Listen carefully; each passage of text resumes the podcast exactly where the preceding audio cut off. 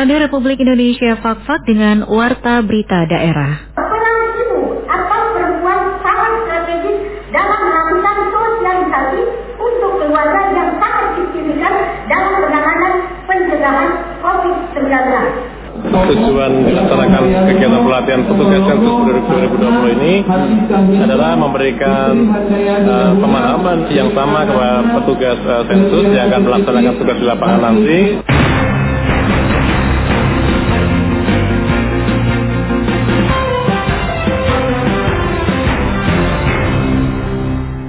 Sari Berita, gerakan bersama memakai masker yang disampaikan Ketua Umum Tim Penggerak PKK Pusat diharapkan dapat menekan penyebaran COVID-19. Pelatihan petugas sensus penduduk 2020 yang diikuti sebanyak 137 peserta diharapkan dapat memahami tata cara pengisian kuesioner sensus penduduk 2020 pada saat melakukan pendataan di lapangan. Itulah berita utama pagi ini selengkapnya bersama saya Rifanti.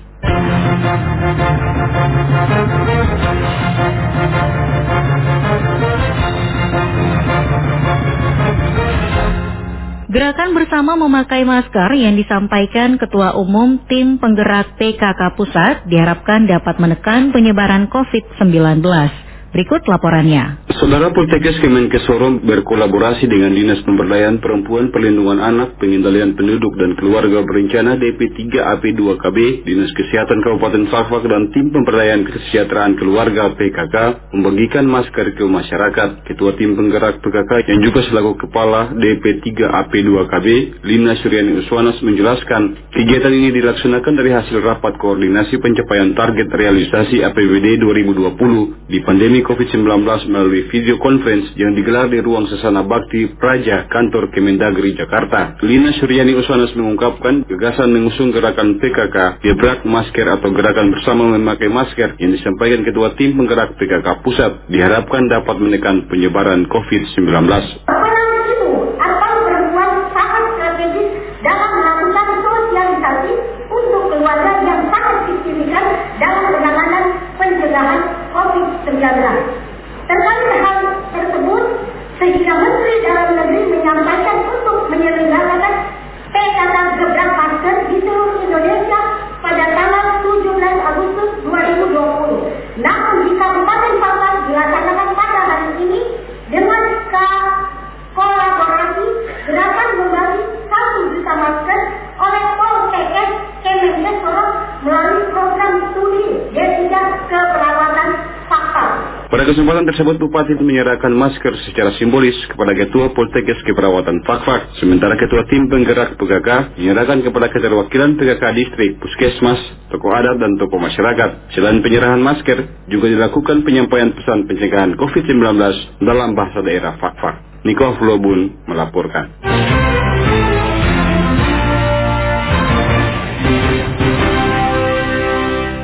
Gubernur Papua Barat Domingus Mandacan dan rombongan direncanakan akan melakukan kunjungan kerja di Fakfak pada Jumat 28 Agustus 2020.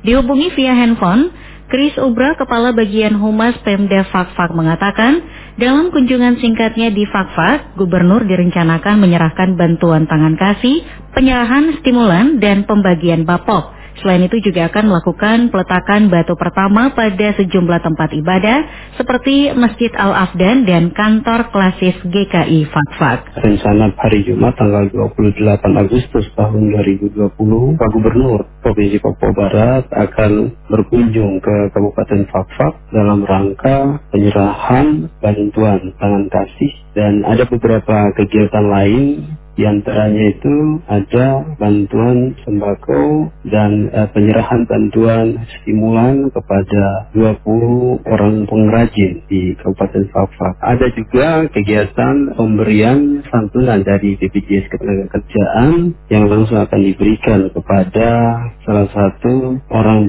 Adapun kegiatan Pak Gubernur tiba di Fakfak direncanakan pada pukul 8.30 dan langsung acaranya berlangsung di Binir Suare. Setelah itu kegiatan peletakan batu pertama di Masjid Al-Afgan Kabupaten Fakfak tepatnya itu di Tanjung Wagum belakang pasar ikan dan setelah itu Pak Gubernur akan uh, melakukan peletakan batu pertama kantor basis GKI Kabupaten Fakfak di depan kantor KPU. Meski belum diketahui secara pasti jumlah rombongan Gubernur Papua Barat, namun menurut Chris Ubra, berbagai persiapan telah dilakukan sehingga kunjungan kerja tersebut dapat berjalan baik.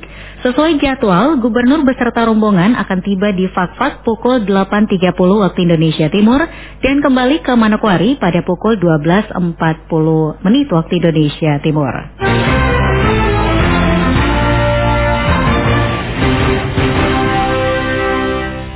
Pelatihan petugas sensus penduduk 2020 yang diikuti sebanyak 137 peserta diharapkan dapat memahami tata cara pengisian kuesioner sensus penduduk 2020 pada saat melakukan pendataan di lapangan.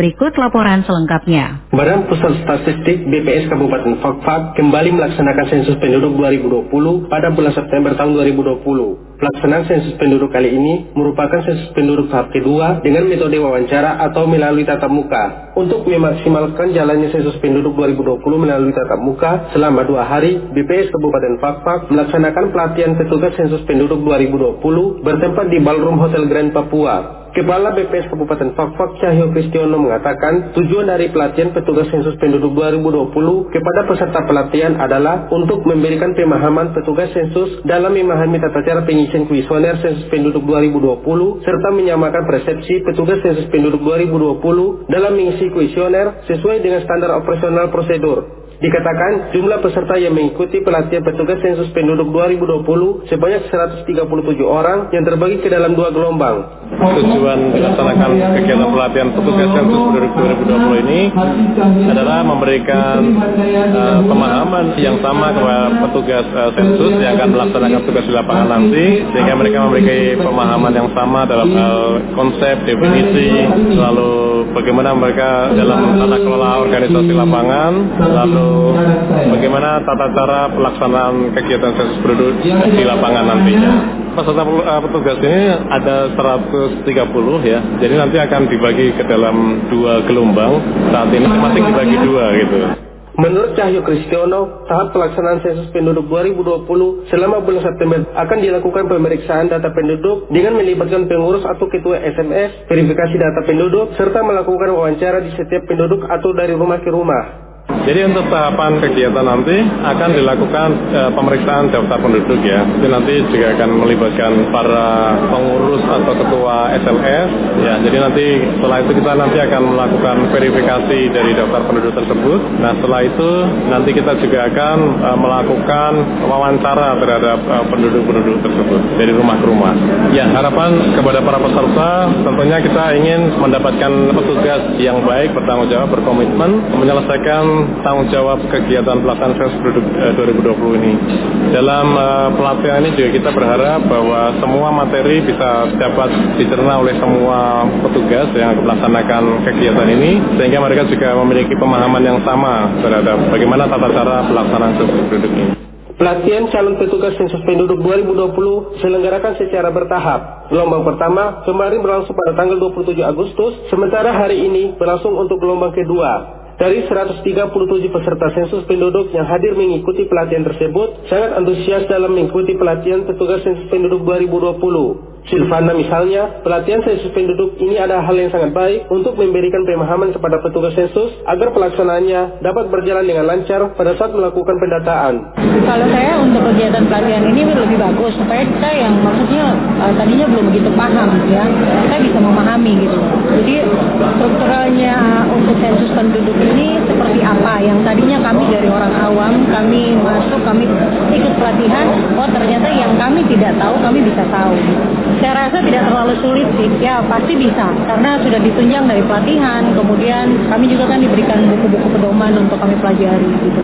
Sementara La Arno sangat bersyukur adanya pelatihan bagi petugas sensus penduduk yang akan turun di lapangan dalam melakukan pendataan sensus penduduk pada bulan September mendatang. Menurutnya, meski pada saat melakukan pendataan nanti terdapat sedikit kendala ataupun tantangan, namun ia optimis dapat melaksanakan sensus penduduk dengan baik. Harapan saya sih ya, alhamdulillah kegiatan ini cukup bagus. Bagaimana nanti ke depan pemerintah bisa melakukan pembangunan sesuai dengan data yang sudah kita ambil saat ini, itu sensus penduduk. Ke depan tantangan pasti ada, tapi kita optimis, kita pasti bisa. Karena kita punya sudah beberapa kali kegiatan, pengalaman sudah ada. Untuk dukungan dari BP sendiri sudah menyiapkan atribut terkait rompi, tas, kemudian alat alat kesehatan seperti hand sanitizer, masker, dan lain-lain terkait kesehatan.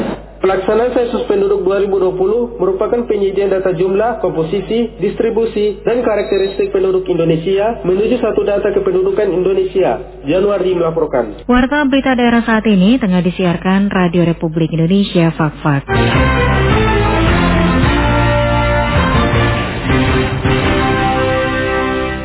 Dewan Perwakilan Rakyat Daerah Kabupaten melakukan rapat dengar pendapat dengan pihak PLN terkait keluhan pemadaman bergiliran yang dilakukan. Laporan Jacob Onweng dari Kaimana. Saudara, DPRD Kabupaten Kaimana kemarin melakukan rapat dengar pendapat RDP dengan pihak PLN. Pertemuan tersebut menindaklanjuti keluhan masyarakat terkait pemadaman bergilir yang sudah tidak beraturan dan terus terjadi mengundang pihak PLN untuk mendengar keterangan terkait pemadaman bergilir yang dilakukan untuk secara bersama menemukan kenali dan mencari solusi terbaik penanganan apa yang akan menjadi tanggung jawab DPRD dan pihak PLN sehingga tidak merugikan konsumen yang adalah rakyat. Pada kesempatan itu Ketua DPRD Irsan Lee menjelaskan bahwa kegiatan RDP dimaksud merupakan tindak lanjut atas keluhan masyarakat yang merasa terganggu dan dirugikan oleh PT PLN Kaimana akibat pemadaman bergilir.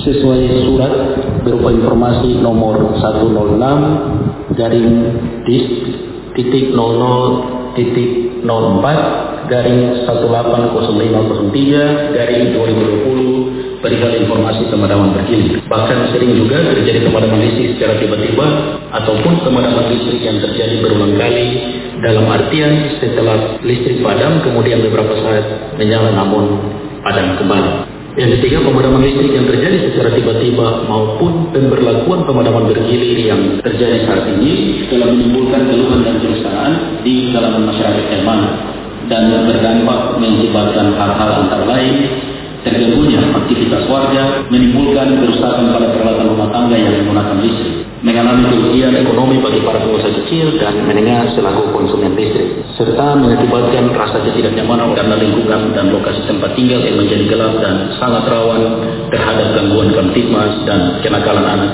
dan remaja bahkan gangguan pengerangan pada pengguna jalan raya. Yang keempat, hal-hal apakah yang menyebabkan adanya pemberlakuan pemadaman bergilir di Kaimana. Sementara Kepala Unit PT PLN Kaimana Muhammad Porada pada kesempatan itu menjelaskan bahwa pemadaman yang terjadi diakibatkan beban puncak pada malam hari mencapai 4.050 kW dengan total daya mampu 3.550 kW.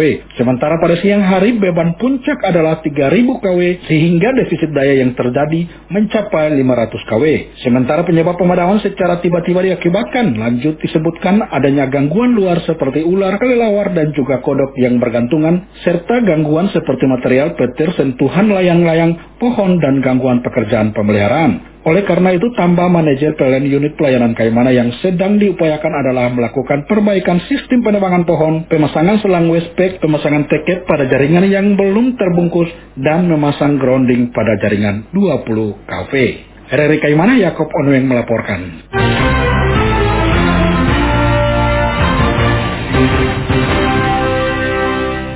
Satuan Lalu Lintas Polres Fakfak akan membentuk kampung tertib berlalu lintas sebagai wujud kepedulian terhadap keselamatan dalam berkendara. Berikut laporannya. Kesadaran akan keselamatan dalam berlalu lintas harus dibangun dari anak usia dini hingga orang dewasa. Hal ini penting karena untuk menciptakan tertib berkendara bagi pengguna, dimulai edukasi-edukasi mematuhi peraturan dan rambu-rambu lalu lintas.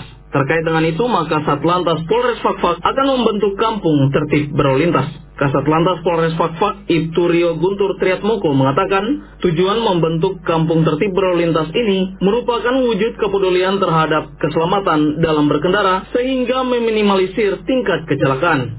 Selain itu juga kampung tersebut akan diikutkan dalam kegiatan lomba Road Safety Partnership Action atau RSPA yang akan dinilai pada bulan Desember 2020.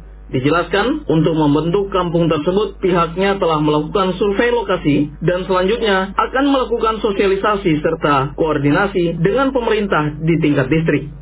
Kampung Tertib Lalu Lintas ini merupakan salah satu lomba yang diadakan oleh Ditlantas Polda Papua Barat dalam hal ini kegiatan RSPA atau Road Safety Participation eh, Mansinam 2020.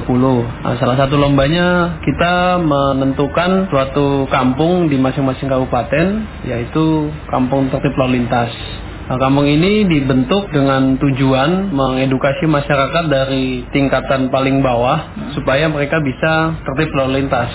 Selain itu juga karena saat ini situasi COVID masih terus berlangsung, kampung tertib lalu lintas ini juga kami jadikan kampung sehat. Jadi kampung sehat tertib lalu lintas untuk pelengkapnya ya. Jadi bukan bukan hanya kampung tertib lalu lintas saja. Rencananya untuk di Kabupaten Fakfak ini kami dari Satlantas Polres Fakfak sudah mencoba untuk mencari daerah yang menurut kami itu ada di daerah distrik Kokas, tepatnya di Kampung Sisir. Beberapa hari yang lalu saya bersama anggota sudah mengecek secara langsung ke lapangan. Kami belum melakukan pendalaman dalam hal ini kepada kepala distrik atau kepala kampungnya. Ya kami rencanakan kami akan naik lagi. Menurut Kasat Lantas, sesuai pantauan pihaknya, kesadaran masyarakat di daerah ini untuk tertib berlalu lintas dinilai masih sangat rendah. Masyarakat sering kali mengabaikan rambu-rambu lalu lintas sehingga berisiko terhadap keselamatan diri dan pengguna jalan lainnya. Rambu-rambu yang paling sering dilanggar adalah tanda larangan melintas. Banyak pula pengendara yang nekat dengan cara menerobos dan bahkan berkendara dengan melawan arus lalu lintas tanpa memikirkan keselamatan jiwanya. Oleh karena itu pihaknya tidak akan berhenti melakukan himbauan-himbauan serta teguran kepada pengendara yang melanggar. Ia mengharapkan dengan nantinya dibentuk kampung tertib berlalu lintas, masyarakat yang belum taat bisa berkaca dan mengedukasi dirinya sehingga dalam berkendara dapat mematuhi aturan berlalu lintas. Budi Rasidi melaporkan. Sekian Warta Berita Daerah Produksi Radio Republik Indonesia, Fakfak.